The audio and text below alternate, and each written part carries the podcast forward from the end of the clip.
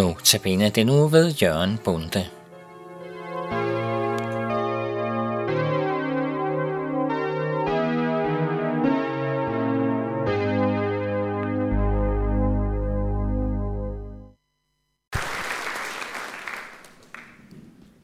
Aftens ældste sang, som hedder Klippe du som bræst for mig, er skrevet af en mand ved navn Augustus M. Toplady i 1776. Og teksten skrev han på et lille spillekort. Han sad i en klippespalte et sted på den engelske sydkyst, hvor han søgte ly fra stormen. Og den klippe blev hans redning.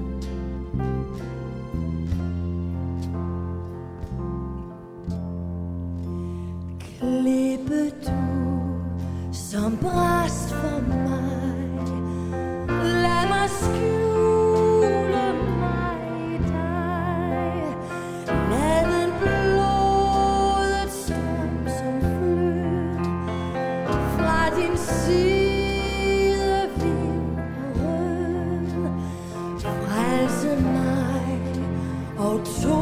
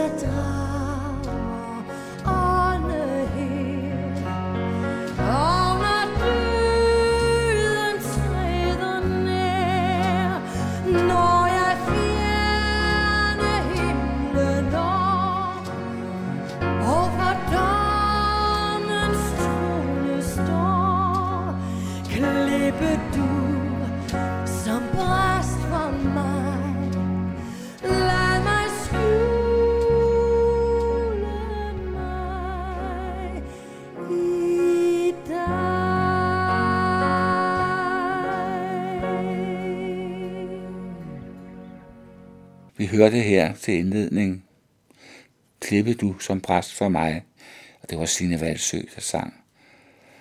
Ja, velkommen til den sidste notabene i min serie her. Jeg hedder stadigvæk Jørgen Bunde, og velkommen til radiolytterne, og tak for den tid, vi har haft sammen her i studiet i den forløbende uge. Ja, i dag, jeg vil stadigvæk gentage, at, at øh, temaet for notabene-udsendelserne er, er Kristus-profetierne i det gamle testamente, og i dag har det specielt overskriften Herrens lidende tjener, som vi jo møder så stærkt i Isaias kapitel 53 og lidt før også. Dette kapitel hos Isaias er noget af det mest velkendte i det gamle testamente, netop fordi profetien her, så mange, profeten her så mange år i forvejen, detaljer har fået åbenbaret fra den hellige ånd, hvad der skulle ske, sådan cirka 700 år senere. Egentlig skulle vi starte med at læse fra kapitel 2, 52, vers 13, for her starter den såkaldte fjerde sang om Herrens lidende tjener, ham som en dag skulle fødes som Messias, altså Jesus Kristus. Det kaldes for den fjerde sang, men det kan umiddelbart være ret svært at se, hvad denne profeti har med sang at gøre. Men i hvert fald har vi hos Isaias i kapitlerne for inden tre andre sange. Jeg vil lige læse det meste af 52, 53, 52, 13 og så frem efter. Der står, som overskrift herrens lidende tjener. Se min tjener for lykken med sig. Han knejser, han ophøjes og løftes højt. Så mange gyste over ham, så umenneskelig usel så han ud. Så usel var hans skikkelse blandt mennesker. Sådan hensætter han mange folk i forundring. Over ham lukkes munden på konger, for det de ikke har fået fortalt, ser de, og det de ikke har hørt, indser de. Og så kommer kapitel 53. Hvem troede det, vi hørte? For hvem blev Herrens arm åbenbaret? Han skød op for Herren som en spire, som et rodskud af den tørre jord. Hans skikkelse havde ingen skønhed. Vi så ham, men vi brød os ikke om synet. Foragtet og opgivet af mennesker, en lidelsernes mand, kendt med sygdom, en man skjuler ansigtet for. Foragtet, vi regnede ham ikke for noget. Men det var vores sygdomme, han tog. Det var vores lidelser, han bar. Og vi regnede ham for en, der var ramt, slået og plaget af Gud. Men han blev gennemboret for vores overtrædelser og knus for vores synder. Han blev straffet for, at vi kunne få fred. Ved hans sår blev vi helbredt. Vi flakkede alle om som får. Vi vendte os hver sin vej. Men Herren lod alt vores skyld ramme ham. Han blev plaget og mishandlet, men han åbnede ikke sin mund. Som et lam, der føres til slagtning, som en får, der er stumt, mens det klippes, åbnede han ikke sin mund. Og jeg vil stoppe her, men jeg vil anbefale for, for lytterne også at læse det hele, fordi der står rigtig meget, som også er godt for, for os at læse i hele kapitlet. Og ja, selvom man godt kan komme i tvivl om, hvem Herrens lidende tjener er i de foregående tre sange, som Esajas har i sin profeti, så er der ret stor enighed om, at det fire sang, så handler det om Jesus, som skulle komme en dag. I hvert fald er der enighed blandt kristne, for jøderne venter stadig på, at Jesus Messias skal komme, og benægter både, at Jesus skulle være Messias, og den fjerde sang handler om Jesus. Jeg vil anføre et par punkter her, så vi måske bedre forstår teksten. Og der vil jeg lige gå lidt tilbage til 52, kapitel 52, hvor det står i vers 13. Han knejser, ophøjes og løftes højt. Vi ser her Jesus som den opstandende efter hans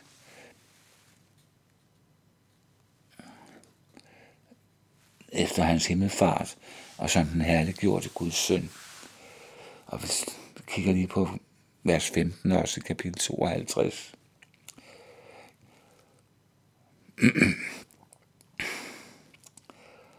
Der ser vi, at Jesus skal være hele verdens frelser. Og kapitel 53, vers 1, hvem troede?